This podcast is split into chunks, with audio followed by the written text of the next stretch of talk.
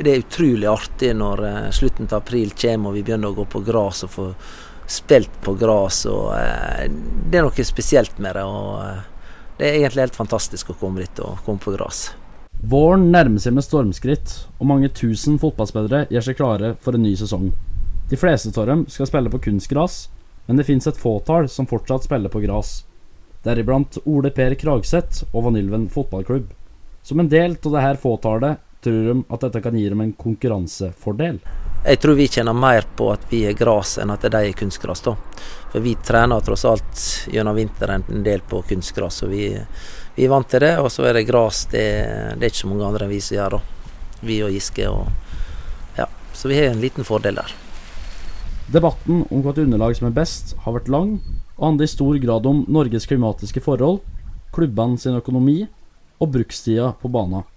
Ifølge spillerorganisasjonen NISO vil ni av ti elitespillere spille på gress, sjøl om det ikke nødvendigvis er slik. Kun fem av 16 eliteserieklubber spiller i dag på gress, og daglig leder i Hødd, Per Olav Målskred, har en teori på hvorfor det er akkurat slik. Vi hadde jo gressbane sjøl som hovedstadion i, i, fram til 2015. Brukstida på den var ca. 15 timer per uke. Eh, kunstgressbane er ubegrensa brukstid. Du kan bruke den 24-7. Så Det er egentlig hovedargumentet. I tillegg så er det en helårsidrett som gjør at du skal bruke den fra 1.1. til 31.12. Det klarer ikke de med ei gressbane. Når store klubber som, eh, som Molde f.eks. legger om til kunstgress, så sier det meg at uh, at å ha en god naturgressbane er såpass krevende at det er svært få klubber som, uh, som legger ressurser i det. Og med krevende forhold for å holde en gressbane i god stand, vil mange av de unge talentene i Norge spille på kunstgras. Ståle Solbakken er bekymra for den utviklinga, og er redd å ikke produsere et stort nok mangfold av spillertyper.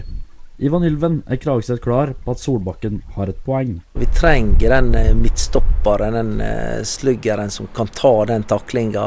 Eh, vi trenger en spiss som ikke bare trakker på ball, men går i dueller. og det blir kanskje litt mye tekniske, små tekniske spillere vi dyrker fram gjennom kunstgrasen. På Hødvold er ikke Målskred helt enig i Solbakkens påstand, og understreker at han helst så at de spilte på gress. Men ettersom at fotball nå har blitt en helårsidrett, ser han at det ikke lenger er mulig. Jeg tror en god spiller takler de fleste underlag, enten det er kunstgras eller naturgras. Nei, det er klart det er fotball på en god gressbane det er å foretrekke framfor kunstgras, absolutt. Men der er jo en del ting som gjør at uh, aktivitet på en god gressbane blir vanskeliggjort. Så vi er ikke i en posisjon der vi kan ha både kunstgras og naturgras. Så kunstgras er nok kommet for å bli. Ivan Ylven er synet noe annerledes i landslagstreneren sin tirade mot kunstgraset. Kragseth mener at sporten er svært annerledes fra det naturlige gresset til det kunstige alternativet. Nei, jeg vil nå støtte noe litt da, i at eh, fotball bør spilles på gress. Utfordringa vår i Norge er jo værforhold. For oss f.eks. så er eh, gras fra 1. mai til 1. Eh, oktober, kan du si. Det er noe med ballen, tempo i det, og eh, kunstgras er, det er en annen type fotball. Jeg er nå vokst opp med grus og gras.